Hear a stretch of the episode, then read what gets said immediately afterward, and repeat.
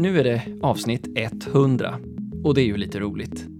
Inte alls vad jag kanske hade föreställt mig när jag i början av corona undrade vad vi gör nu när alla konferenser försvann och vi som jobbar med energibolag inte längre kunde besöka våra kunder på grund av smittskydd.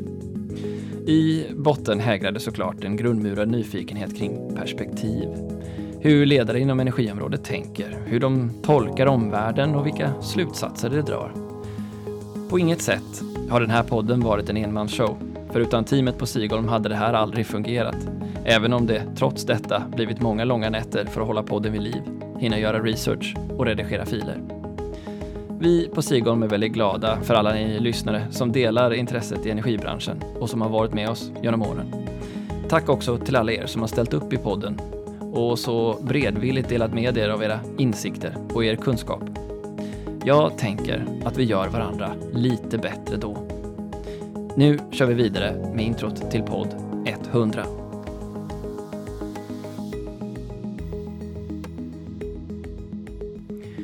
Truls Borgström har den grannlaga uppgiften att syntetisera och sammanfatta hela den komplexa massan av frågor som samfällt utgör en vettig strategi för att ställa om hela samhället.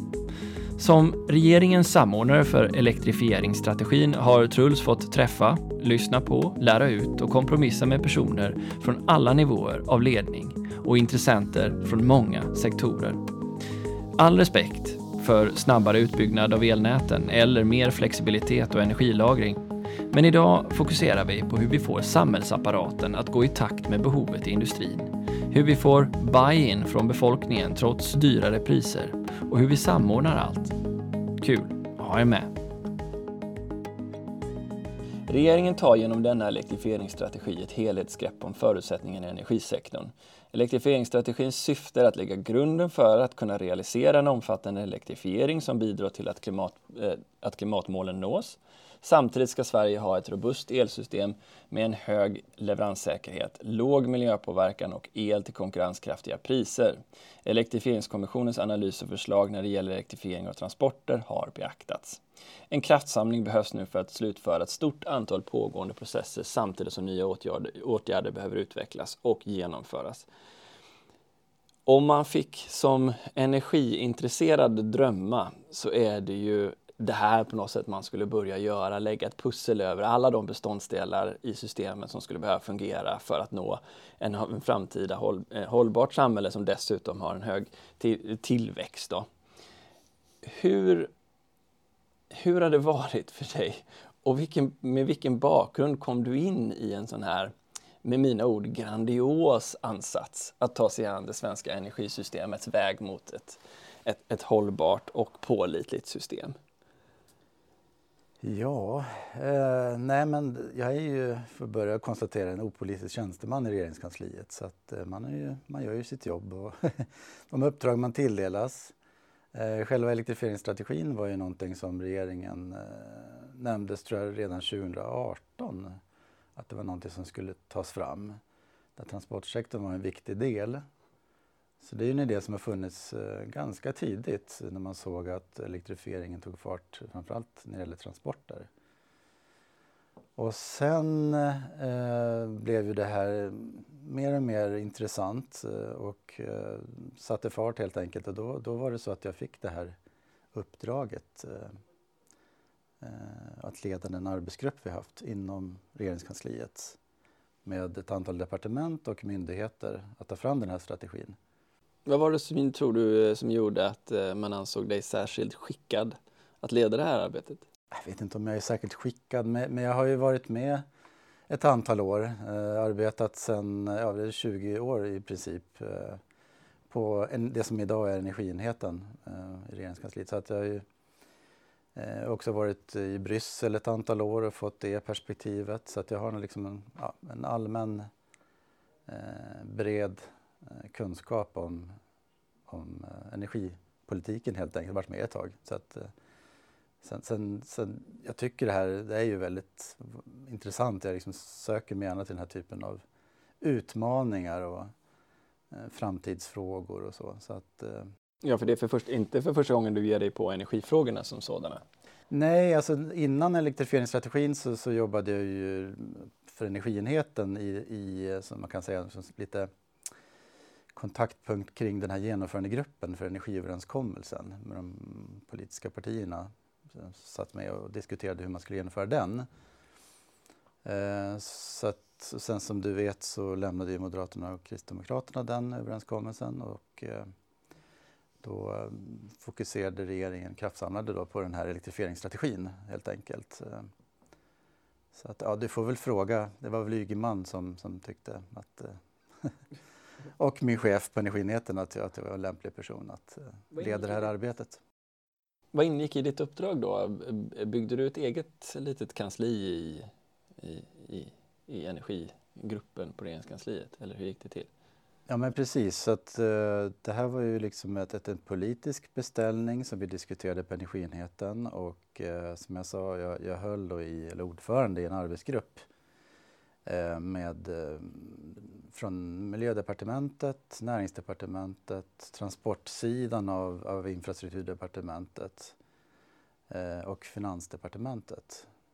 Det var lite tanken att vi skulle jobba, inte normalt sett när man gör, tar fram en strategi då kanske man ger ett uppdrag till en myndighet som sen jobbar fri, lite fristående, kommer in med den till regeringen och sen så kanske remitterar man det och så tar man till slut beslut. Men, men den här gången ville vi eh, ja, jobba lite eh, snabbare och göra det här redan från början och också förankra det inom det, regeringskansliet genom att ha den här arbetsgruppen och med våra myndigheter som också var med i den här i, Eh, Energimyndigheten, Svenska kraftnät, Energimarknadsinspektionen, Elsäkerhetsverket men också Trafikverket och Trafikanalys som var med i den här arbetsgruppen. Var Naturvårdsverket med också? Naturvårdsverket var inte med. Eh, det är en bred fråga, alltså det är en berättigad fråga. Man skulle kunna ha med hur många myndigheter som helst. Och sen så, förutom mig då, så, så, så anställde vi Oskar Kvarnström som jobbade med mig nära i ett litet kansli kan man säga. Eh, det är någonting som har återkommit och återkommer i kommunikationen från elektrifieringsstrategin om, om förankring eh, och hur viktigt det har varit att skapa en bred förankring.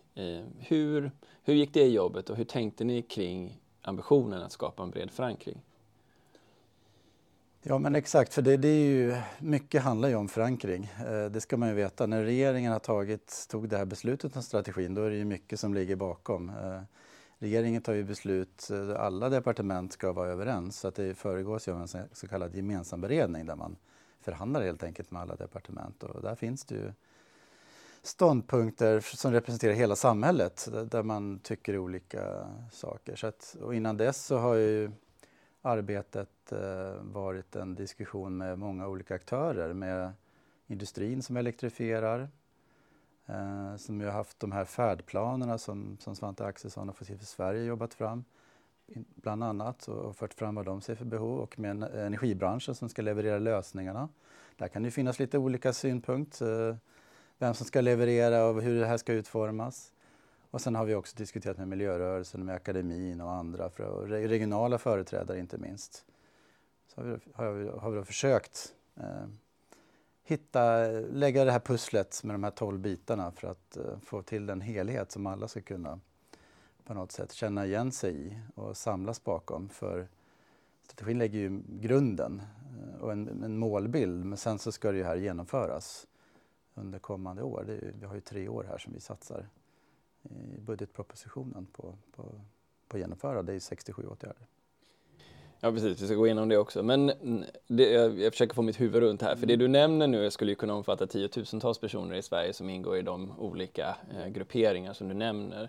Vilka skulle du säga, om du hjälper oss förstå, är de som utgjort själva kärnan i elektrifieringsstrategins liksom, utformning? Är det, är det regeringskansliet som har utgjort den eller är det regeringskansliet tillsammans med de här berörda myndigheterna eller har det funnits industrirepresentanter också som varit del av det? Liksom, hur, hur har den gruppen så att säga, som har varit runt dig sett ut? Ett enkelt, enkelt svar är det, det är regeringens strategi. så att det, det är regeringen som fattar beslut, så det är en politisk produkt. Men bakom det så ligger ju eh, den här arbetsgruppen som hade liksom, mandatet att ta fram strategin. Det var ju själva beslutet. Så då fanns det också eh, några sidor som beskrev uppdraget till arbetsgruppen. Men själva uppdraget var också formulerat så att det skulle ske i nära samverkan med ett antal alltså branscher, samhället i stort, olika myndigheter. Så att, eh, Eh, det är väl jag och Oskar som närmast har suttit med pennan men vi har ju fått jättebra inspel från olika aktörer på vad som skulle vara innehållet. Hur gjorde ni för att få en lokal förankring? Hur valde ni ut eh, regioner att eh, särskilt belysa eller samarbeta med? Um, ja, det var ju en del av, av den här väldigt breda förankringen. Då, då tittade vi på, vi kan ju inte prata med alla delar av Sverige. Men dels, några. Ja. Men dels så, så, tog vi hjälp av länsstyrelserna som har en roll i att samordna regeringens, alltså genomförande av energi och klimatpolitiken. Dels genomförde vi en enkät eh, om hur alla länsstyrelser, alla län ser på elektrifieringen, vilka möjligheter det finns, vilka utmaningar och där de också fick gärna samverka med regionerna. Så dels så gjorde vi en sån enkät för att få liksom en helhet, få med alla. Och sen så gjorde vi då fördjupande regionala möten. Jag tror vi hade sju sådana möten. Där vi försökte få belysa olika delar av det här. Så dels industrins elektrifiering i, i norr, Västerbotten, Norrbotten hade vi ett sådant regionalt möte som vi anordnade med Länsstyrelsen och regionen var med och lokala företag eh, och sen så hade vi för industrin också på västkusten, eh, Västra Götaland, liknande tema och Gotland har också ganska mycket industrifokus och sen så tittade vi, hade vi mm, när det gäller transporter så, så hade vi med Stockholm. Skåne har också lite speciella förutsättningar, södra Sverige med en lite eh, större utmaning med elför, ja, en klart större utmaning med elförsörjningen i alla fall i det korta perspektivet. Så vi hade sju sådana möten där varje möte var en möjlighet för våra, med Länsstyrelsen och regioner att bjuda in de aktörer som de såg som viktiga för respektive eh, sam, samverkansdialog helt enkelt. Det var ju säkert många av oss som följde eh, de olika rapporteringarna och pressändningarna som, eller webbsändningarna som ni haft längs vägen där, som du nämner, de här olika regionerna bland annat varit inbjudna att visa på eh, sina perspektiv och sina behov. Ehm, som ju har alla varit unika men även väldigt krävande får man väl säga. Ehm, vad har varit din liksom, takeaway från de här mötena? Vad har du kommit hem när du har satt dig ner i soffan och tänkt herregud, det här har jag lärt mig? Jag tänker att dels är det ju, var det ju väldigt motiverande för det, det var ju väldigt alltså, en, en, alla möten var ju väldigt, tycker jag, generellt positiva. Det man fanns ett stort engagemang. Man såg det här som en jättestor möjlighet för, för utveckling regionalt. Eh, alla delar, inte bara i norr där det är liksom kanske allra, allra mest uppenbart med vad som händer där. Men också i andra delar. Så att jag tycker det var, det var generellt inspirerande också att se att många gjorde, eh, tog tag i saken själv också. Uppsala-effekten, kraftsamling, elförsörjning i Västra Götaland. Eh, Elektrifieringskommissionen i Skåne. Elektrifieringskommissionen, eller effektkommissionen. Effektkommissionen heter det, så heter det ja. Men mer och mer Dalarna har också en egen, eh, alltså det var ganska intressant att se hur en liknande övning som vi gjorde nationellt fanns regionalt.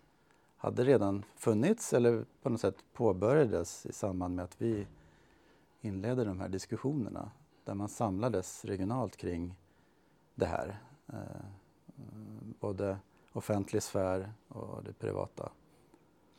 Upplevde du någonsin eh, den andra sidan av det som jag kan uppleva när jag reser runt i landet, den här av nästan stress och ja, ska jag, starkt ord, men ångest över hur viktigt det är att vissa saker kommer på plats snabbt för annars så får det en rad vad man anser som kraftiga följdeffekter. Absolut, det, är ju, det går snabbt och det är omfattande. Och det finns stora utmaningar redan här och idag i norra Uppsala och, och Skåne, så absolut. Eh, så finns det en, tyckte jag, tycker det, var, det var ju absolut det med medskicket. Eh, men också som jag sa, att man tar tag i det själv i de här eh, regionerna och försöker lösa problemen. Så vi hade ju den typen av diskussioner. Vad, vad, vad kan lösas regionalt och vad behöver lösas nationellt? Eh, och det är ju, ja, jag tror som vi var inne, vi kommer kanske in på det, men det är väl en av slutsatserna att alla behöver bidra.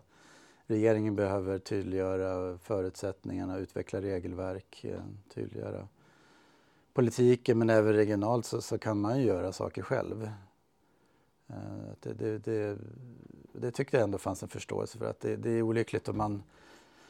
Det är viktigt att alla tydliggör vad behoven är, eh, speciellt nerifrån upp.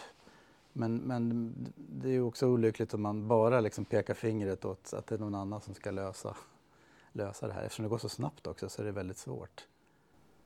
Ja, det är ju lätt hänt att eh, man då pekar på Moder Svea som en eh, viktig eh, liksom, möjliggörare av många av de här marknaderna. Det dyker upp i många delar av energiomställningen, inte bara för elektrifierade transporter. Vi har dessutom då planerna för havsbaserad och landbaserad vind som är en sån vätgasstrategi, en eventuell vätgaskorridor i norra Sverige. Vi skulle kunna fortsätta flöden för att skapa tillräckliga mängder biogas och, eh, och, och drivmedel från biobränslen. Alla de här kräver ju någonstans att det finns en market maker och även elnäten skulle vi kunna prata om det som ni har med i elektrifieringsstrategin.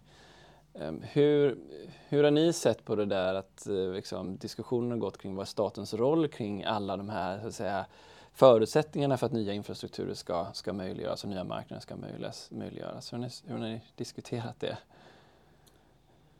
Ja men precis och där är ju, alltså statens roll är ju att, eller politikens roll är ju att eh, liksom, tydliggöra en, en inriktning. Eh, vara en samordnande kraft, det är ju liksom en, en roll. Liksom, spelreglerna är ju liksom någonting som, som sätts av lagstiftning. Energipol ja, energimarknaden är ju gan, ganska reglerade. Samtidigt så ska ju investeringsbesluten tas där ute av företagen. Så det är ju ett samspel eh, som, som jag tycker vi har ändå diskuterat. Eh, industrin behöver tydliggöra sina behov. Vad är liksom realistiskt? Att, att, hur, hur ser det ut framöver? Energibranschen. Vad behöver de för att få till de här investeringarna? Vad är deras egna planer för att tillgodose behoven? Och från politiken helt enkelt. Vad är det som, vad behöver samordnas för att få det här att hända? För att, ja, alla är väl kanske lite lagda åt olika håll. Vissa vill kanske ha en tydligare plan eller någon som bestämmer. Och andra vill mer att det, det är ju marknaden som ska lösa det här eh, i princip. Staten ska egentligen inte lägga sig i. Eller, ska, en plan kommer aldrig gå. Så att någonstans däremellan eh, kanske sanningen ligger. Och, Eh, det är ju en historisk eh, utveckling vi går in i här. Vi har ju haft en förvaltande fas under ganska lång tid. Men nu om vi ser den här kraft, väldigt kraftfull elektrifiering så är det ju ja, det är historiskt. då, då, det är väl den diskussionen vi har haft. Finns det några historiska referenser då att gå tillbaka till och hitta analogier ifrån och vad statens roll bör göra i ett sånt här, bör vara i ett sånt här skifte? Som du ser Nej, vi har ju inte gjort det förut i Sverige. Eh, alltså förra gången eh, så var det ju helt planerat. Ja, men utbyggnaden, eh, högspänningsnätet, kärnkraften och så vidare. Då, hade vi ju liksom ingen avreglerad marknad när det gäller elproduktion. Eh, så att, det var ju intressant. Vi, har ju haft, vi hade ju en dialog med, med akademin med teknikhistoriker och sådär. Och hur, och de, deras människor var lite grann, staten måste ha en tydlig ändå roll om det ska, ska lyckas med en sån här omfattande eh, men, men det institutionella ramverket ser ju väldigt annorlunda ut idag. Vi, EU reglerar ju vår elmarknad i väldigt hög utsträckning, vad vi får och inte får göra till exempel. Eh, så det är ju mycket mer komplext idag. Eh, en mångfald av, av företag också, det kan ju vara positivt med innovationer och hitta tekniska lösningar på det här. Ja, det måste vara svårt att, ha den balansgången ändå, tänker jag. Det finns många frågor man kan ställa om det här, men en av dem är ju då, om man tar vätgaskorridoren som exempel, så det är svårt att tänka sig att det skulle vara lokalt fattade beslut, att varje kommun längs vägen för vätgasledningen skulle få säga ja eller nej till den skulle ju redan i dess ansats sätta rätt stora hinder och stoppklossar i hjulen för en sådan utveckling. Det finns ju mycket sånt där där det, där det lokala beslutsfattandet direkt ställs emot eh, det nationella. Och det finns ju överallt och vi har Vad har Öckerö kommun då? Säg 3 500 invånare som säger nej till en vindkraftspark stor nog för att förse Göteborg med liksom framtida behov. Det här är ju svåra avvägningar att göra som dessutom ju får en, en, en direkt liksom effekt på hur ni skriver fram er elektrifieringsstrategi. Ju. Ja. Hur har du och Oskar resonerat där? Det, det, strategin, det, det, finns många svåra och stora frågor uh, i det här. Och just när det gäller vätgasinfrastruktur, det, det är väl en, en, en, fråga där vi, som du säger, vi har ju ingen nationell infrastruktur på det sättet. Vi har ju, eh, jämfört med många andra EU-länder så, så, har vi en annan utgångspunkt också med, med lite mer begränsad infrastruktur eh, fokuserat på västkusten. Så vi ska liksom ha en, den typen av infrastruktur så ligger vi ju i en annan startposition. Men om man tar och där är det ju, ja, vätgasfrågan är ju lite av den här X-faktorn i, i elektrifieringsstrategin där man, det finns fortfarande osäkerheter hur, hur snabbt det kommer gå, hur stort det kommer bli.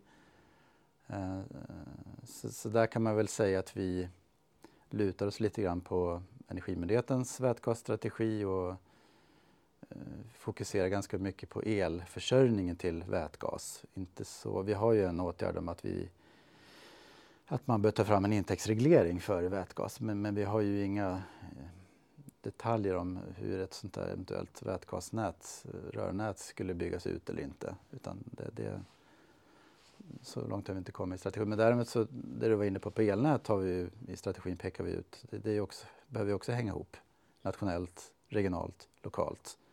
Vilket också nu sker med, med EUs nya regelverk, lagstiftning som regionala nätutvecklingsplaner och där Svenska kraftnät ges en tydligare roll i elektrifieringsstrategin för att se till att det här går i takt helt enkelt. Um, ja, uh, vi kommer in på det också då. Ja. det är så svårt att hålla, istället för ett svår intervju så det är så många områden men en av de här frågorna som vi vill komma in på tidigt är i alla fall den om regeringskansliets organisation för att få det här att fungera. För du nämnde som tidigare att ni samarbetar med Finansdepartementet, Transport, i alla fall en del av transporten. Eh, miljö, Miljödepartementet, Näringsdepartementet, eh, Regeringskansliets beredning, eh, Infrastrukturdepartementet naturligtvis, eh, som jag nämnde förut. Eh, och det här är ju frågor som slår rakt igenom så många olika departement i regeringskansliet. Min fråga är väl ganska rak. Är det, är det, är det lämpligt att ha regeringen som utformad organisatoriskt på det här sättet när klimat och omställningsfrågorna eh, är så sammanvävda? Ja, det var ju lite så därför vi jobbade på det här sättet med strategin, att vi hade den här arbetsgruppen för att liksom, förankra det här löpande under vårt arbete, den här inriktningen. Istället för att vi på energisidan skulle ta fram den här strategin och sen skicka det här för synpunkter till alla andra departement. Ehm, men du har ju rätt att de här politikområdena du nämner blir ju mer och mer sammanflätade. Och energienheten har ju historiskt sett ofta flyttat mellan näringsdepartementet och miljödepartementet mellan regeringsskiften. Så att, eh, vi får se. Sen har ju regeringen har ju också klimatkollegiet eh, som försöker på något sätt se på det här som en helhet. Man, man tänker att elektrifieringen är ju, ja, handlar ju mycket, det handlar ju om klimatomställningen. Eh, men, men, hur det ser ut framöver, hur kommer det se ut? Det, ja, det får vi se. Det är ju, varje regering brukar ju göra några justeringar i organisationen. Och, eh, vi har ju bra samarbete med många departement. Alltså, när vi bereder, det är, vi är, regeringskansliet är en förhandlingsorganisation. Det förstår jag. Eh, samtidigt så, så är ju en tradition av att ha silos ju också, kommer ju med nackdelar. Det innebär ju att man specialiserar sig inom sina områden vilket ju också syftar till effektivisering inom respektive särområde så att säga.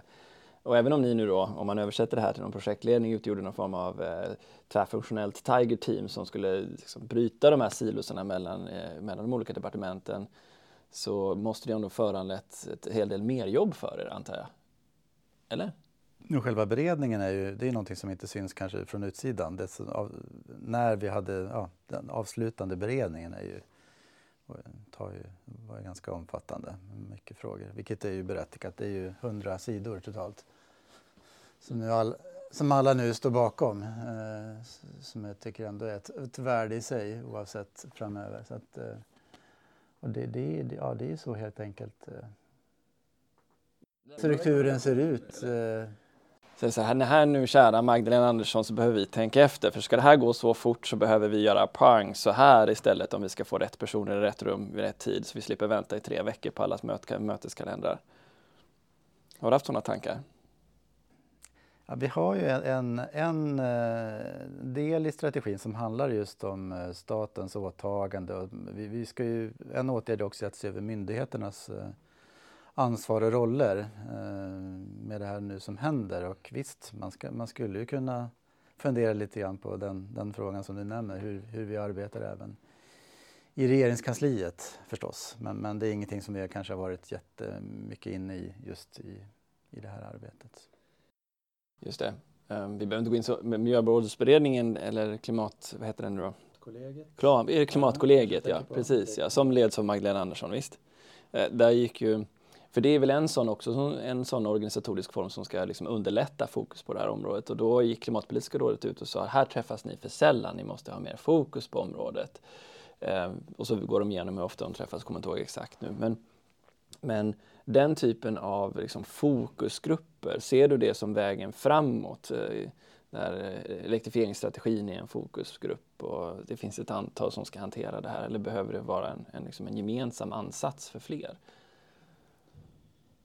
Jag tror definitivt att, att man behöver eh, det lyfter vi också upp i strategin, de här målkonflikterna eller samexistensen mellan eh, klimat, energipolitiken, vi har försvarspolitiken, miljöpolitiken. Det är ju några sådana här områden som där det kan finnas motstående, eller det finns motstående intressen i vissa delar. Så att där behöver vi ju, tror jag, liksom politiken eh, bli kanske snabbare och effektivare på att uh, lösa ut den typen av frågor. Sen hur det organisatoriskt ska lösas, det, det, det vet jag inte om jag har någon så här uppenbar svar på. Om det något liknande klimatkollegiet eller någonting annat. Jag tror att det viktigaste är att, att, att eh, man löser det helt enkelt på, på ett effektivt sätt. Jag tänker så här att målkonflikter är ju något som hela tiden präglar stora organisationer. Man måste göra val där mellan olika målkonflikter. Å ena sidan då ska vi vara effektiva och snabba på att lägga väg på det traditionella sättet eller ska vi då föra in nya idéer som eh, förenklar för elektrifierade vägar på något sätt. Det är ju två tydliga olika mål där man kan tänka sig att de som länge har jobbat med så att säga, det traditionella sättet kan ha en hel del åsikter om att föra in nya innovativa modeller eftersom det då sänker och suboptimerar så att säga, deras traditionella måltal om ökad effektivitet, antal vägmeter per krona och så vidare. Eh, eh, jag antar att ni måste se ett antal, hundratals sådana målkonflikter i, i regeringens arbete framåt. Ja, därför det, är inte bara regeringen utan det gäller nog eh, på alla nivåer i samhället där det här uppstår. Vi som jobbar med den här frågan, elektrifieringen, nära som sen men, och det är väl det vi försöker komma in på med, strategin, att, att den här övergripande målbilden måste ju på något sätt förankras i samhället brett. när förståelsen bör öka. Och mm, jag tänker ändå att energifrågornas betydelse har eh, blivit tydligare över tid nu även med, med det som har hänt i Ukraina med kriget. Att man, det är ju väldigt angeläget med en välfungerande energiförsörjning som har också stora möjligheter för Sverige. Så. Kul att du nämner det här med mål då, för det är en sak som har dykt upp. Ehm, vissa har kritiserat elektrifieringsstrategin för en avsaknad av tydliga mål. Det är mycket om vad som ska göras, men det finns inga konkreta siffror på eh, mer än att vi, det, det, de här 67 punkterna ska genomföras den närmaste treårsperioden fram till 2024. Hur har ni tänkt kring det och hur kommer det sig att det inte finns konkreta mål i strategin? Den övergripande målbilden, det är ju det som är liksom målet med strategin. Vi pekar på att det är avgörande för klimatet, vi ska, elsystemet är i ett nytt läge med, med insikten om det. Eh, vår elförsörjning ska vara liksom en, en avgörande konkurrensfördel framöver och så vidare. Sen så beskriver vi ju eh, i strategin också den, vad myndigheterna gör för analys just nu om, om, framtiden med hur mycket elektrifiering det kan bli med, en, med ett högt scenario med en kraftfull elektrifiering. Och sen fokuserar vi på att myndigheterna ska ta höjd för det i sitt arbete framöver på ett tydligare sätt. Eh, och att vi ska ha en bättre uppföljning för att verkligheten rör sig ju snabbt. Det inser vi ju under vårt arbete med strategin. Den började ju, då hade ju inte LKAB presenterat sin plan eller H2 Green Steel inte heller. Och, och den här liksom framtida elbehovet, den siffran, ja, den förändras ju hela tiden. Så fokus har varit på att se till att få en, en högre kvalitet och mer frekvent uppdaterad bild av det och jobba mot den snarare än att liksom sätta fast en, en, en viss siffra. Så det jag hör av dig det är att det är för många, för snabbt rörliga mål för att det hade varit möjligt att skriva ner dem direkt i strategin. Utan det vi omtolkar det är att se exempelvis regeringens eh, eh, pressmeddelande från förra veckan då om 120 terawattimmar eh, att Energimyndigheten får på sig att identifiera havsområden för, för vindkraft till exempel. Då. Det, det, är så man ska tolka. Där kommer så att säga de konkreta målen in och det är regeringen och politikerna som definierar dem. Förstår det? Det är helt klart regeringen och politiken som formulerar. Och politiken är fri förstås att formulera vilka mål de vill. Eh, I strategin så, så, så, fokuserar vi på att ta höjd för en kraftfull elektrifiering, att myndigheterna ska jobba tillsammans eh, eh, med det och tydliggöra behov som följer av en kraftfull elektrifiering. Sen har vi också i strategin föreslår vi, och regeringen ska ju inrätta ett elektrifieringsråd där det ska finnas representation från, från industrin och andra aktörer som elektrifierar för att ytterligare tydliggöra vad, vad, vad, ser vi framför oss här? Vad är det rimligt att tro om framtiden? Jag tror att exakt hur mycket el som kommer behövas kanske inte är det viktigaste. Ehm, utan mer insikten om att ja, det kommer behövas mycket mer el, helt enkelt. Hur ska, hur ska vi klara av det? Mm, det räcker som en första ansats. Ja. Det går ju också väldigt snabbt redan nu. Alltså Svenska kraftnät har ju en jätteutmaning med alla ansökningar redan idag. Så, att, eh. så, så om vi går tillbaka till det här med förankring och så, och så hör vi då eh, eh regeringskansliets företrädare, då partisekreteraren för Khashayar Farmanbar, säga att ja, men vi kommer att ha stora öron. Vi vill att, eh, vi vill att de, alla politiska partier ska känna sig involverade i det här framåt. Vi vet från eh, från tidigare debatter att en av den kritik som har kommit från oppositionen har varit en om att det inte har politiskt förankrat. Och hör och häpna då när jag ställer frågan i en intervju till en oppositionspolitiker så säger man ja men vi kanske är överens om, om 50 procent av de 67 punkterna som finns i elektrifieringsstrategin. Hur, hur, hur går dina tankar då om hur det här förankringsarbetet framåt ska gå till när det gäller att få politisk enighet, inte bara i regeringskansliet utan även mellan de politiska partierna? Givet också din bakgrund från elektrifieringskommissionen. Vad har vi lärt oss och vad gör vi annorlunda nu?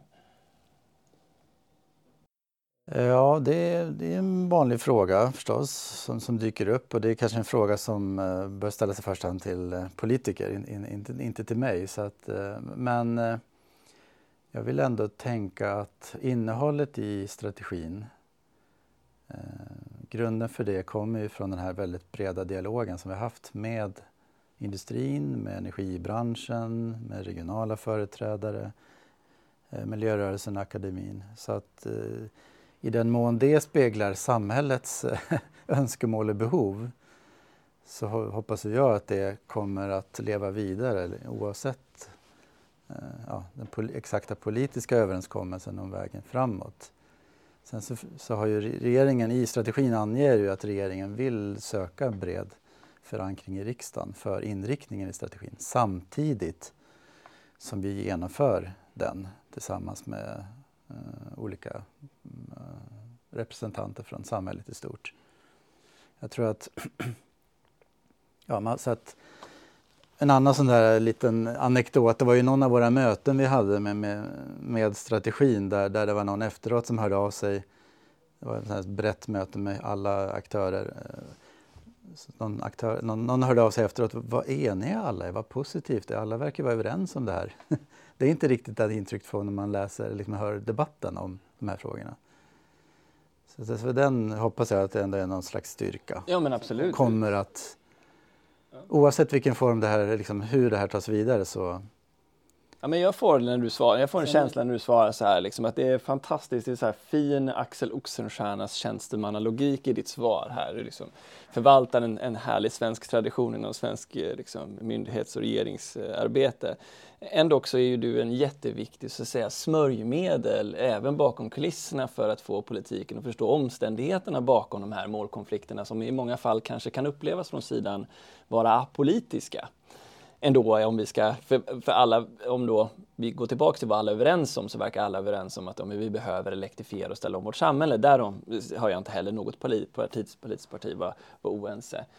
Hur, givet att du var med i elektrifieringskommissionen, tänker så här, hur kan man jobba med att skapa en bättre förståelse för helheten eller behövs inte det? Alltså, Då blir ditt svar att men vi kommer ändå hamna i sakfrågor där en specifik avvägning blir en politisk diskussion eller, eller så här skulle man kunna göra för att överbrygga kanske det som baseras på okunskap.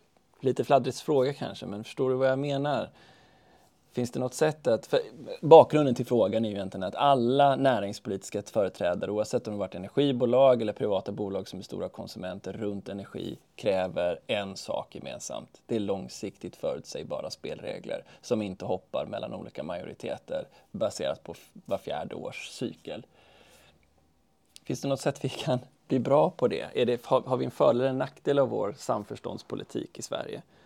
Precis. Precis, och nu är det ju också valår, har vi inte liksom pratat om. Så att, eh, ja, eh,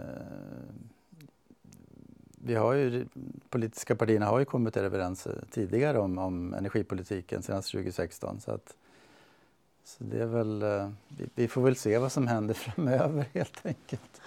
Eh, det, det, är lite svårt för mig att svara på exakt som opolitisk tjänsteman. Utan vår roll på energienheten på infrastrukturdepartementet, vi, vi, vi tjänar ju regeringen den är, och för fram de behov och, och utmaningar och, och, som finns för tillfället och redogör för olika handlingsalternativ och vad de får för konsekvenser. Sen är det upp till politiken att uh, göra de vägvalen helt enkelt. Uh, mm. Utan med strategin så, så, så, tänker vi att där, där har vi lagt grunden och vi redogör för uh, vad det finns för behov baserat på olika aktörer och den redogör också för vad myndigheter och regeringen redan gör. Det ska man ju inte heller glömma bort. För det, det mycket pågår ju redan. Eh, våra myndigheter jobbar redan aktivt med att försöka ja, möjliggöra den här utvecklingen. Eh, så, det, så det är liksom en, en bas för, för fortsatt arbete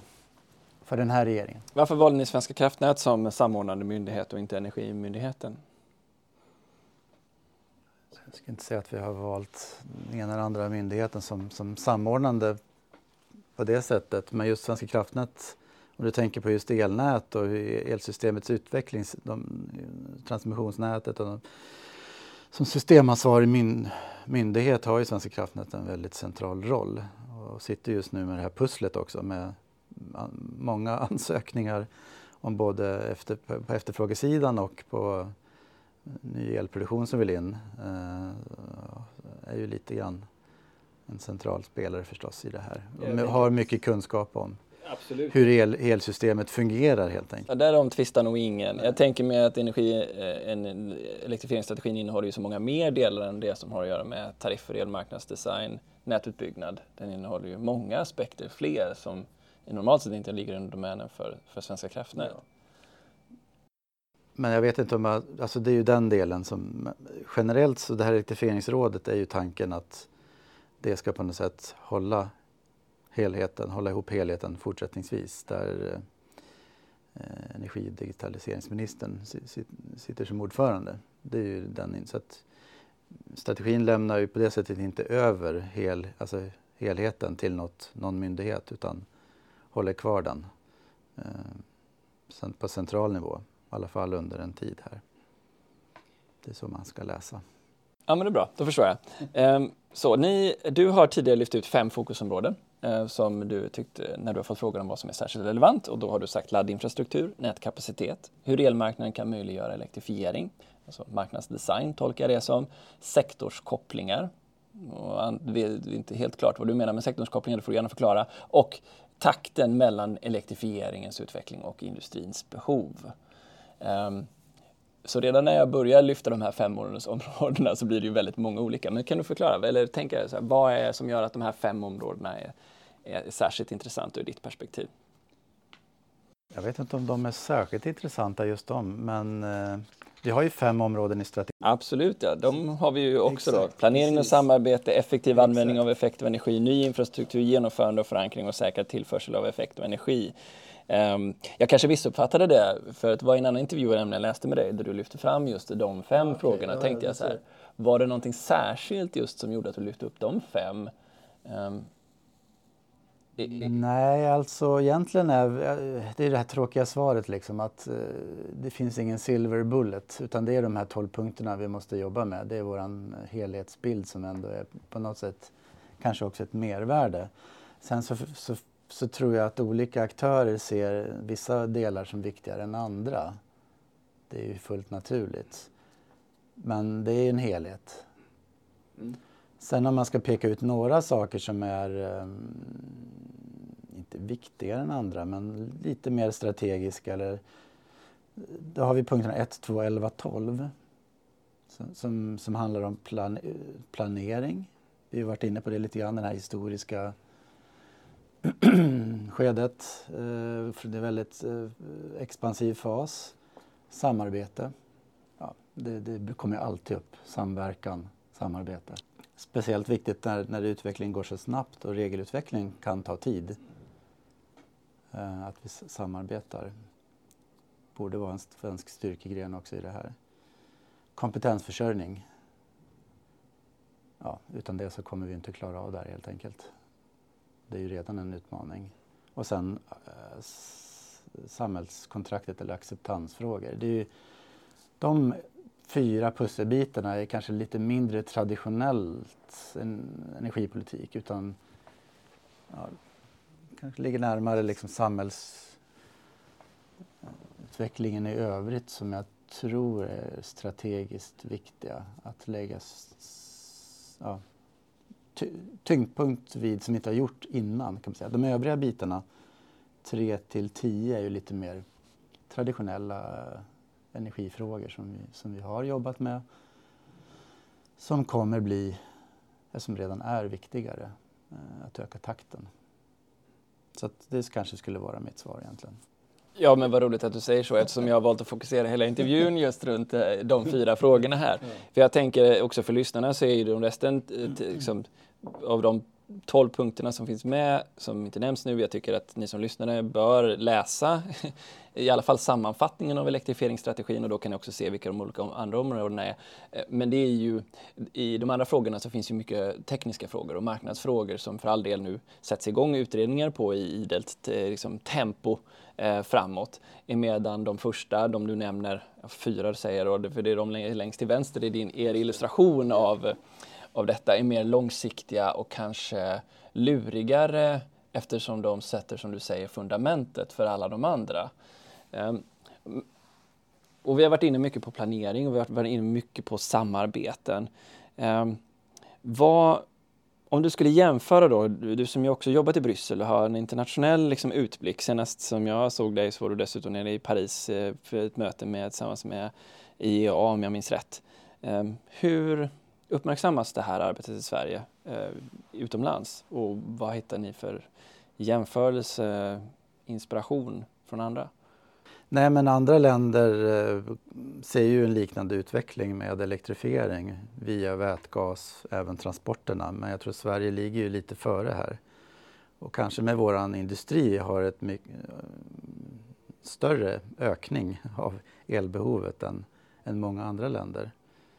Eh, dessutom har vi en stor potential för billig vindkraft exempelvis som skulle kunna användas för att producera el som behövs i andra länder eller producera vätgas och elektrobränslen. Så att, eh, vi ligger lite före. Vi kanske kommer ha en, gissar jag, en, en, större effekt än en del av andra länder. Men vi har också en relativt bra utgångspunkt. Vi har ju ett, ett eh, elsystem som tror jag få, alltså många, de flesta andra länder skulle vilja ha. Där vi startar också. Och, så det blir intressant att se hur kommande år här hur eh, andra länder också eh, kommer jobba med de här frågorna. Eh, jag vet ju inom Norden så finns det lite diskussioner om lite mer nordisk syn på, på elektrifiering och en gemensam strategi. Jag tror att den Svenska kraftnät med de andra TSO-erna i Norden jobbar på en sån som ska presenteras i år till exempel. Och även inom det nordiska ministerrådet finns det lite sådana här diskussioner. Så man börjar i Norden. Skulle inte den här plafonden som ni har målat upp här kunna egentligen läggas på vilket land som helst, tror du? I Europa? Ja, som en masterplan. Ja. ja. Ja, men en del av de här frågorna, eller många av dem, bör ju vara gemensamma om man bara tittar på det. Sen är ju startpunkten olika i olika länder. Om du har kanske ett litet land som inte har flaskhalsar i transmissionsnätet och så vidare, då är den typen av frågor kanske mindre viktiga. Eh, så att fokus ligger nog lite olika i olika länder men men grunden bör kunna egentligen vara ganska generell för många. Det täcker väl ändå in el och energisystemet i stort på något sätt. Och då blir min fråga, ligger värdet i de själva 12 punkterna och de 67 så att säga, förtydligningspunkterna, eller nedbrytningen av dem, eller ligger det i samtalet? På vägen dit? Ja, exakt, exakt hur de här punkterna formuleras, eh, det kan ju göras på många olika sätt. Eh, energiunionen EU har väl fem dimensioner och så vidare. Eh, men, men det tror ändå det är viktigt att ha någon typ av gemensam eh, karta eller mål framför sig så man vet vad man pratar om. Men, men så som du säger, självklart att själva sammanhanget, att man kommer ihop och får, tillsammans formulerar en målbild, eh, hur den än må se ut, är ju liksom säkert en stor nyckel för att lyckas. Att man kommer samman helt enkelt. Så att där är det ju som, jag, jag håller med dig, att det, det är en av punkterna igen då, samarbetet. Ja, för jag tänker att de blackarna av eh, elektrifieringsstrategins arbete eller Sveriges saktfärdighet som man ser, det är ju den att man tittar på andra länder som pekar ut områden. Så här ska vi bygga och visar tydligt vi ska ha så här mycket kärnkraft eller som kommer med bombastiska, tydliga, klara direktiv från oben. Medan då vi väljer att sätta oss ner med en kopp kaffe som vi har gjort här idag och samlas runt ett rum och så börjar vi knota och, och bearbeta den här frågan. Är det som du ser det en, en styrkeposition för Sverige att vi ska tålamod med den tid det samtalet tar eller eller tänker du att vi behöver ändå tweaka och går mer mot en, en, en fast hand? Vi har varit inne på det här, liksom, ska vi ha en plan eller är det helt upp till marknaden? Och sanningen är nog någonstans däremellan. Eh, och det är det vi är inne på lite grann i elektrifieringsstrategin. För att som du säger, andra länder har ju av också tradition en annan Tyskland eller Danmark, som du säger, det, det är lite mer plan, planering liksom, eh, från början. Så jag tänker att vi ska väl ändå vårda våran eh, styrka som vi har eh, med eh, marknadsdriven utveckling i grunden. Eh, sen får vi ju se hur, hur, ja, hur mycket vi behöver få tydlighet från politiken eh, om riktningen framöver för att lyckas. Eh, där är vi nog, har vi nog inte liksom landat exakt än hur. Och det, det, får vi väl se först i efterhand vilken eh, strategi som var mest framgångsrik. För det finns ju också nackdelar förstås genom att peka ut eh, tvärsäker inriktning framöver när osäkerheterna är så stora. Både det när det är elbehov och vilken elproduktion som blir konkurrenskraftig eller liksom kan komma på plats på sikt och så vidare. Det är ju det har väl historien hittills lärt oss i alla fall, att det är inte alltid lätt att förutspå framtiden. Jag brukar aldrig berömma mina, eh, mina personer som jag har i en podd, men du är väldigt bra på att ge mig alla perspektiven på varje fråga Truls. Det är ju uppskattat. Eh, men då tänker jag så här, den här hastigheten då, för elektrifieringsstrategin har 67 stycken punkter, alla punkter är rätt så omfattande och man skulle kunna ägna mycket tid åt var och en av dem. Och så säger ni tre år. Det är ju ändå med alla mått mätt i den här branschen oerhört fort. Är det någonting som den tempoväxlingen direkt medför i formen för arbetet framåt? Ja, men vi har ju en satsning nu. Det är ju tre år. Som, eh, det finns också en satsning i budgetpropositionen på genomförande både hos våra myndigheter och i regeringskansliet. Så det är ju tanken att vi 2022, 2023, 2024 ska genomföra helt enkelt de här åtgärderna eh, tillsammans med, med, våra myndigheter och även de andra aktörerna som vi pekar ut också i strategin områden där vi ser det här är något som vi behöver göra gemensamt. Eh, och, eh, så det, vi försöker göra ett, en, en tempoökning helt enkelt. Eh, för att eh, utveckla våra regelverk, tydliggöra behov, eh, halverade ledtider är en, sån här, en lite mer konkretare målsättning i strategin senaste 2025. Eh, så det är det vi försöker göra, en tempoökning helt enkelt. Ja, och man ser ju det på regeringens hemsida nu. Det kommer direktiv eh, slag i slag här varje vecka, kan man väl säga flera gånger varje vecka om man så vill. Eh, där nya utredningar tillsätts, exempelvis nu nyligen så har det både varit en för utbyggnaden av vind och säkerställande att vi kan få områden för snabbare eh, tillståndsprocesser och hanteringen av den kommunala frågan kontra det nationella behovet. Den andra som kom också var den om ersättningar och, marknad för att stärka upp incitamenten för lokal kraftproduktion. Det har också varit Ehm, eh, nationell strategi för, för elektrifiering, eh, nej förlåt, eh, vad hette den utredningen som kom? Eh, marknadsmodeller för framtidens elnät har också tillsatts en utredning för. Ehm, sitter ni nu då och bockar av så här mot listan eller? För de har ju lite olika redovisningsdatum, allting ligger ju innanför, innan 2024 har jag noterat. Men det är ändå flera utredningar som ska komma som sträcker sig framåt 2023, slutet på 2023 till och med.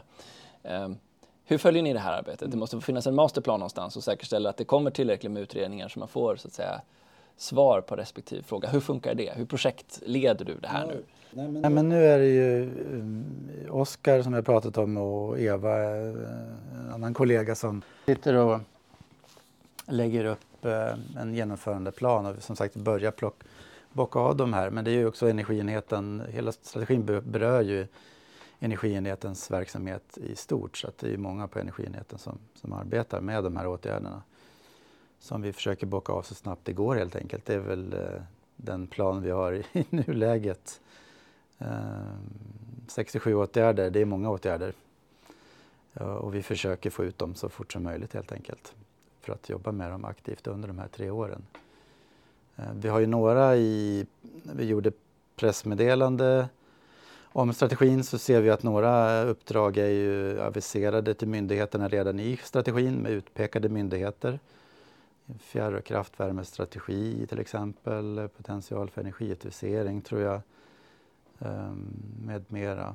Så den typen av eh, åtgärder kommer vi väl eh, försöka börja med också, få ut och få igång arbetet hos myndigheterna med strategin.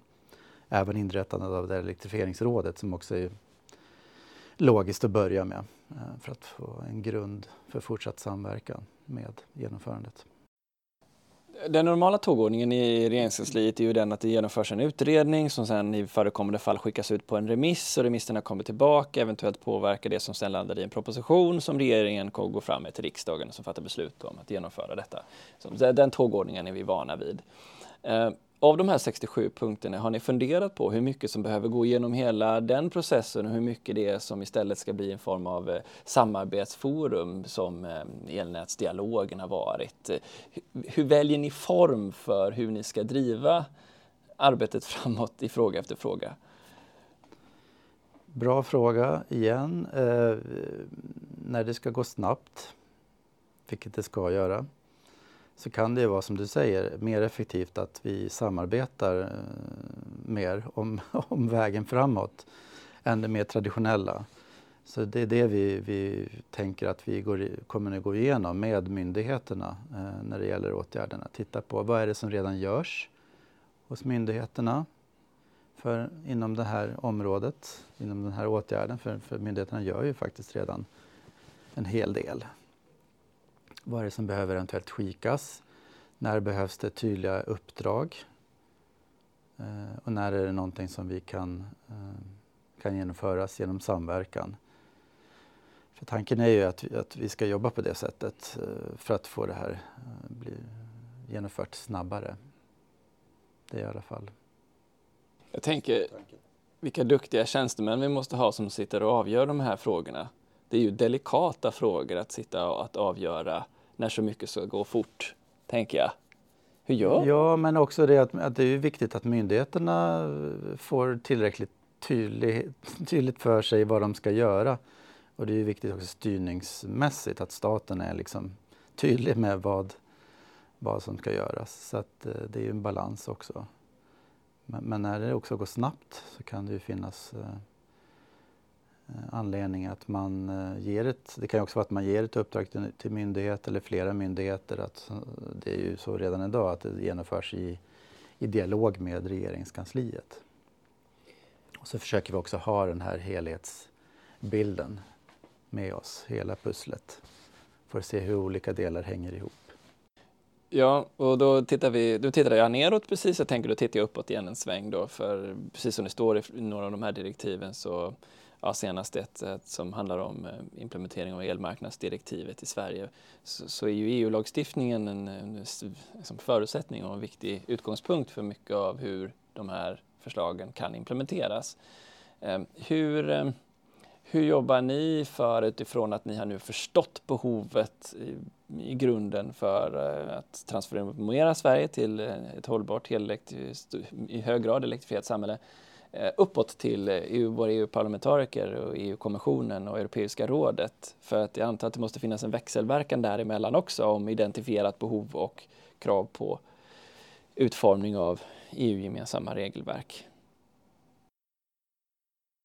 Nu, eh, samtidigt med den här elektrifieringen som vi ser framför oss, väldigt kraftfull elektrifiering i Sverige, har vi ju intensiva förhandlingar i EU om det här Fit for 55-paketet med förnybartdirektivet, energieffektiviseringsdirektivet bland annat och även ett gasmarknadspaket.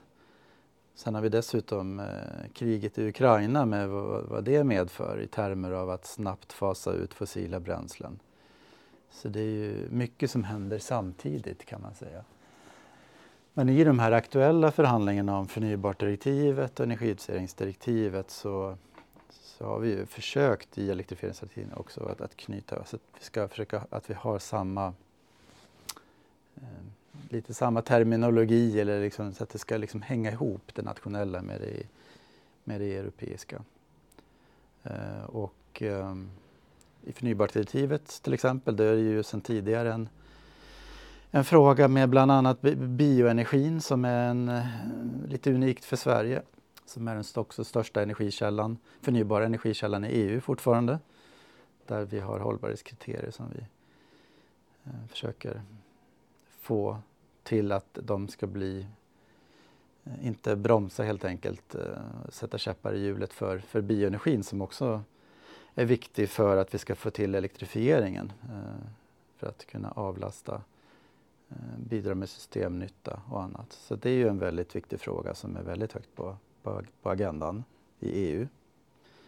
Eh, en annan viktig fråga i förnybartdirektivet är ju eh, vätgas. Man, vilken el, hur ska elen se ut när vi producerar vätgas? Ska den komma från ny förnybar elproduktion eller kan vi använda förnybar elproduktion som vi redan har i Sverige? Den här så kallade additionalitetsfrågan är också väldigt, eh, väldigt viktig som vi lägger ner stor möda med att förklara för kommissionen, för andra medlemsländer och för EU-parlamentet vad det, vad det finns för risker med ett sådant för strikt krav på additionalitet ur ett svenskt perspektiv.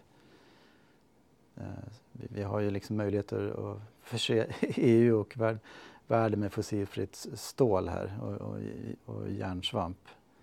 Och då ska vi inte sätta onödiga käppar i hjulet för det om vi redan har en i princip fossilfri elproduktion i Sverige. Nej, det måste ju vara uppenbart för er då när ni jobbar och pratar med eh, LKAB, H2 Green Steel, SSAB att eh, ja, vi, vi behöver otroliga mängder biokol till exempel. Bara för att ta ett av alla exempel av vad vi behöver använda eh, skogen till för att skapa ett förnyelsebart samhälle. Ehm, blir det också så då att, att, ni när ni samlar upp all den här kunskapen och åsikterna eller in, som faktan ändå om, om vad de facto som behövs i hur vi ska använda skogen, bereder ni det upp också till, till till regeringen då om hur de ska bedriva ett påverkanspolitiskt arbete gentemot, ja, i det här fallet då, eh, rådet. Ja, men precis som jag var inne på i förnybartdirektivet är ju det, det som är aktuellt på, på, på vårt bord från, på, från energisidan. Hållbarhetskriterier för fast biomassa som används för värme och, och där är det ju, alltså, den diskussionen har vi haft sen, ja, när jag var i Bryssel på representationen och förhandlade RED 2, det var ju säkert halva mitt arbete handlade om att uh, försöka påverka den den förhandlingen. Just det, jag ska bara säga till lyssnarna att det är alltså Renewable Energy Directive som eh, Truls hänvisar till här nu och RED 3 är på väg, RED 2 håller vi på att implementera. Vi har inte pratat om energiutsättningsdirektivet som är en annan sån där fråga där när vi nu behöver väldigt mycket mer el. Så hur påverkar det våra mål för energiutsättning i EED? Eh, det är också en sån där sak vi, vi försöker förklara. Att det kan bli svårt för oss att minska energibehovet på precis det, det sätt som eh, för förslag, förslaget om vi ska elektrifiera. Eh, så att det kommer ju in i de här aktuella rättsakterna. Upplever du att ni får tillräckligt med stöd från bransch, privata företag och andra med att lyfta fram den informationen som behövs för att kunna veta vilken Sveriges position borde vara? Gör branschen tillräckligt?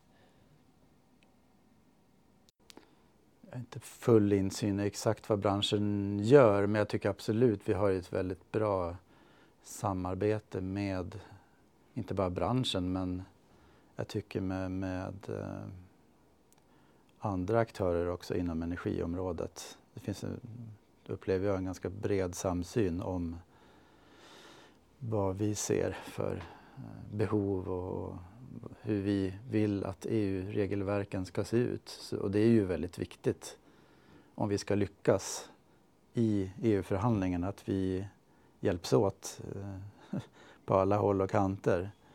Eh, men, men som sagt, det, det grundar sig i att vi, vi har en... Vi ser ju stora nyttor och fördelar med, med bioenergi till exempel. Eh, som jag tror att vi, de allra flesta, eller många i Sverige är överens om. Det är det som lägger grunden för också påverkansarbetet eh, i Bryssel. Måste jag bara ställa frågan eftersom det här är så otroligt omfattande. Vi nu nämnde EUs Fit for 55-paket som jag tror berör åtta stycken lagstiftningar eller någonting liknande. Den är 4000 sidor lång. Dessutom kommer taxonomin som ligger utanför den. Du har elektrifieringsstrategin med 12 olika punkter som inte bara berör skogsnäringen som vi pratar om nu och hur vi kan använda skog, utan elnäten, marknadsdesignen av dem, eh, tillståndsprocesserna, Eh, eh, olika teknikslag och, och, energibärare vi behöver för framtidens energisystem. Eh, den här kunskapsmassan, hur, hur mycket jobbar du Oskar egentligen? Kan ni omfamna detta eller hur gör ni? Dagen har ju begränsat antal timmar. Vi jobbar nog inte mer än någon annan. Ehm, men det är det som är lite med elektrifieringsstrategin har varit utmaningen och målet att försöka ha den här eh, lite helikopterperspektivet och lägga pusslet snarare än att gå in på alla delar i detalj och säga, ja, komma fram till vad som ska göras. Men det är ju det är kul, det är utmanande samtidigt. Jag tycker bara kunskapsmassan är så, eller omfattningen är så enorm att du både ska förstå då, ja men vad säger, vad säger, eh, vad säger vi om, om eh, vilken typ av vindkraft och när den ska vara byggd som får vara förutsättningen för vätgas. Eh, hur, vilken, får vi ta ut grot från skogen och får vi klassificera det som prima, primär eller sekundär biobränsle till frågan om nätutvecklingsplaner. Är det rimligt att ha dem vartannat år eller vart tredje år? Ska de sträcka sig fem år eller fyra år? Äh, men så fort du kommer ner lite, lite under ytan så, så förgrenar det här sig till en miljon frågor. Underbart. Eller? ja, det... men bara, precis, bara en av de där är ju verkligen som av mikrouniversum. Bara liksom elmarknaden, det är ju jättekomplext. Alltså hur fungerar elmarknaden? Så lägger du på alla andra saker också i det där. Det är ju... En av de sakerna som ju berömdes efter, även om nu elektrifieringskommissionen slutade med att, som du nämnde här, några partier valde att lämna, så var en av de sakerna som från branschen lyftes fram och som en stor fördel med elektrifieringskommissionen var det utbildningsvärde som det hade för alla de politiker som, som Baylan ändå eh, bjöd in till det här.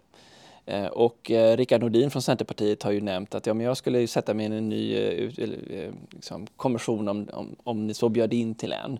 Ehm, för frågan till dig är väl en sak som har tid att lägga ner tid på att förstå den här myriaden av frågor. Men jag tänker det måste vara minst lika viktigt när det gäller att utbilda vår politiska kohort i att förstå komplexiteten i de här frågorna. Hur gör vi det? Hur vi utbildar våra politiker? Ja, ja Eh, som tjänsteman i regeringskansliet så, så, fokuserar vi på regeringen. De politiker vi har i regeringen förstås, det är ju en del av det dagliga arbetet. Alla utmaningar som landar på bordet, det, det hjälper vi till så gott det går. Vi, och sen så tar vi också hjälp av våra duktiga myndigheter att eh, ta fram eh, underlag och promemorior som beskriver ja, för och nackdelar med olika handlingsalternativ och vad det får för konsekvenser. Eh, sen så som du var inne på själv, energi, som jag, jag var inte med själv i Energikommissionen men där var, var ju också en stor del ett, ett sånt eh, eh förberedande arbete med många seminarier och workshops kring aktuella frågor. Vi gjorde något lite liknande i, i den här genomförandegruppen också. Eh, tittade på olika frågor, fördjupningsmöten där vi försökte belysa utmaningar och som sagt väg, vad är det som kanske behöver göras och vad det får för konsekvenser. Så att det är nog ständigt, det tror jag är generellt i alla förhandlingar eller att det är viktigt. Har man en liknande kunskapsbas så, så underlättar det mycket. Det tycker jag också även från min erfarenhet från mina år i Bryssel när man förhandlar med andra länder. Bara det att sätta sig ner och sakligt förklara vad, vad är, hur, hur man ser på saken och vad, hur verkligheten ser ut utifrån sitt perspektiv för att underlätta en förhandling med en annan part. Att hitta en lösning. Så det, det tror jag absolut är en, en viktig en del. Sen så finns det ju politik i, i, i mycket kvar ändå. Så det, ju, det, finns ju olika ingångar i, i olika frågor som, som man må, som förstås måste få bli en, en debatt. Då är det, givet att det finns många perspektiv på frågorna, men är det någonting, något område inom elektrifieringsstrategin som du känner dig särskilt optimistisk kring?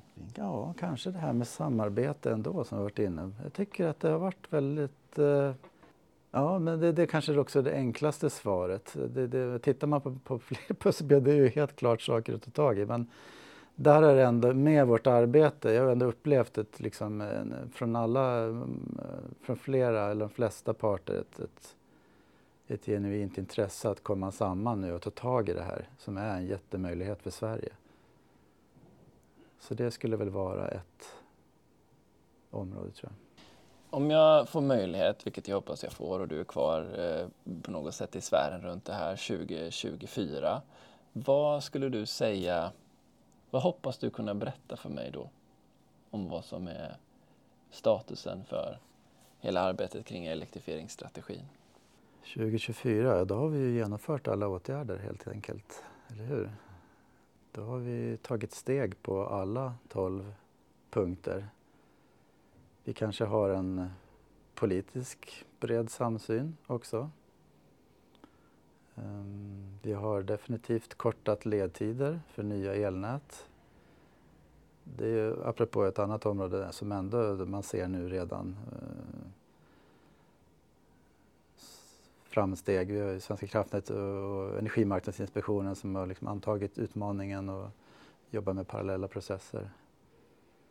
Eh, vi har också, tror jag, på EU-nivån kanske en annan liksom in, insikt om det här. Liknande kanske vår svenska strategi. Om 2024 sa du, då är det ju en ny EU-kommission, mm, e kanske kommer nya initiativ för att också möjliggöra eh, Sverige att kunna genomföra det här. Så att då har vi hunnit också påverka EU-kommissionen tills dess och lämna förslag som, som stödjer oss i den här utvecklingen.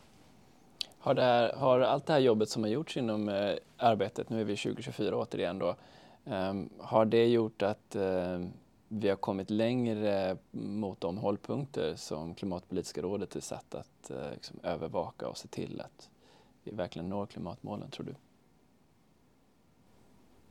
Jag hoppas det. Då har vi, som jag sa, eh, jag tror att det här samarbetet som vi har inlett kommer vara fortsatt gott och även kanske den här regionala, nationella nivån vara lite tydl vara tydligare. Eh, nätutvecklingsplaner har då tagits fram också som knyter an ja, av alla elnätsföretag, Svenska kraftnät. Um, och förhoppningsvis då att vi har klarat av också den, den anstormning av ansökningar som, som vi ser redan nu ligger på bordet. Kompetensförsörjningen är ju, det har vi inte pratat om så mycket, men det är ju en, en stor utmaning. Och även acceptansfrågor förmodligen. Vad hoppas du på inom utbildningen? Då? Den är som du säger, den har vi inte nämnt så mycket om, men den är ju väldigt långsiktig. Man skulle kunna börja redan i grundskolan här. Och det finns så många rapporter om hur många tusentals ingenjörer som saknas i, i flera av de här punkterna. Nej men precis, och det är ju, det är ju en stor utmaning redan idag som jag förstår det, att rekrytera i, i många i, i energibranschen och det, där får man väl hoppas att det verkligen inte blir en skarp flaskhals framöver. Att det kommer sätta stopp. Så där kanske det finns anledning att tänka nytt. Så där, men det tror jag, det, där kanske vi bara är lite grann i början på på den förståelsen vad som behöver göras eventuellt. Och kanske riktigt kraftfullt eh, tänka nytt. Um. Tror du att um, 2024 att frågan om energisäkerhet är lika aktuell då som nu? Vägen dit kommer den ju vara, när man ser nu vad som händer med kanske en snabb utfasning av eh, fossila bränslen från, från Ryssland och, och fossila bränslen i stort förstås. Eh, så är väl ingen vild gissning att det kommer vara högt på agendan under kommande ett, två, tre år på EU-nivån och som kommer påverka energimarknaderna i stort i EU eh, och, eh, och därmed även Sverige. Så att eh, det är ju frågan om vi 2024 om, vi har, om EU har kommit i mål då. Eller om vi är i slutfasen kanske på att göra sig helt oberoende av rysk fossil energi. I vilken mån tror du att det påverkar samhällskontraktet? Det är ju energipriser i stor utsträckning som jag tror påverkan kommer vara för Sverige. Visst, försörjningstrygghet också ska man inte underskatta. Fast vi är mindre beroende än de flesta andra EU-länder.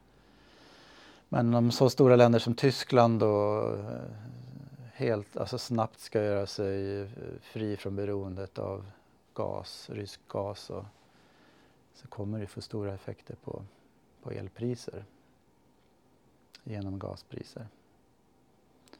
Så det där är ju nu en, en, en aktuell diskussion på EU-nivå som du kanske, ja, som flera känner till hur, hur vi ska Ska det bli några ytterligare sanktioner eller inte och vad, vad eh, ja, behövs det göras någonting på, på gasmarknaden eller elmarknaden för att, eh,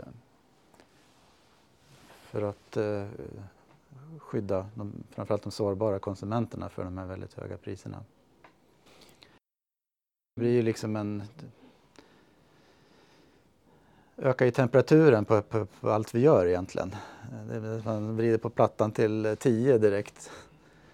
Eh, sen, sen så ja, det accentuerar ju vikten av att fasa ut fossila bränslen snabbare men, men vi behöver också hålla tror jag, fokus på, på de långsiktiga eh, inriktningen som vi behöver, långsiktiga målet som vi har och liksom sitta lite inte vidta kortsiktiga åtgärder som, som, som försvårar för det långsiktiga. Är det rimligt att vi har gjort alla 67 punkter? Tror du? Du kan sitta här och säga att ja, men vi kommer att ha gjort de här 67 punkterna. Det är väl avvägt. Jag tror det.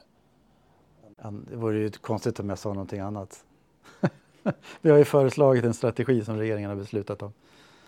Ja.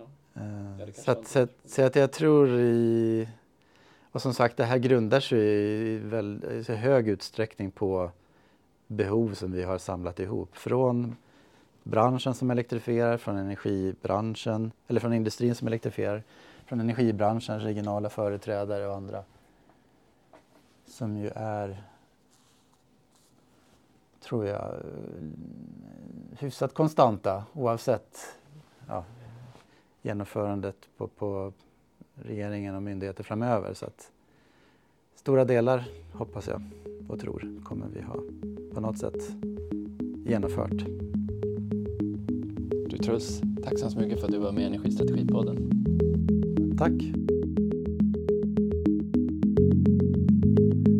Skulle du vara intresserad av att samarbeta eller jobba med oss kring de här intressanta frågorna? Gå då in under karriär på vår hemsida för att läsa mer.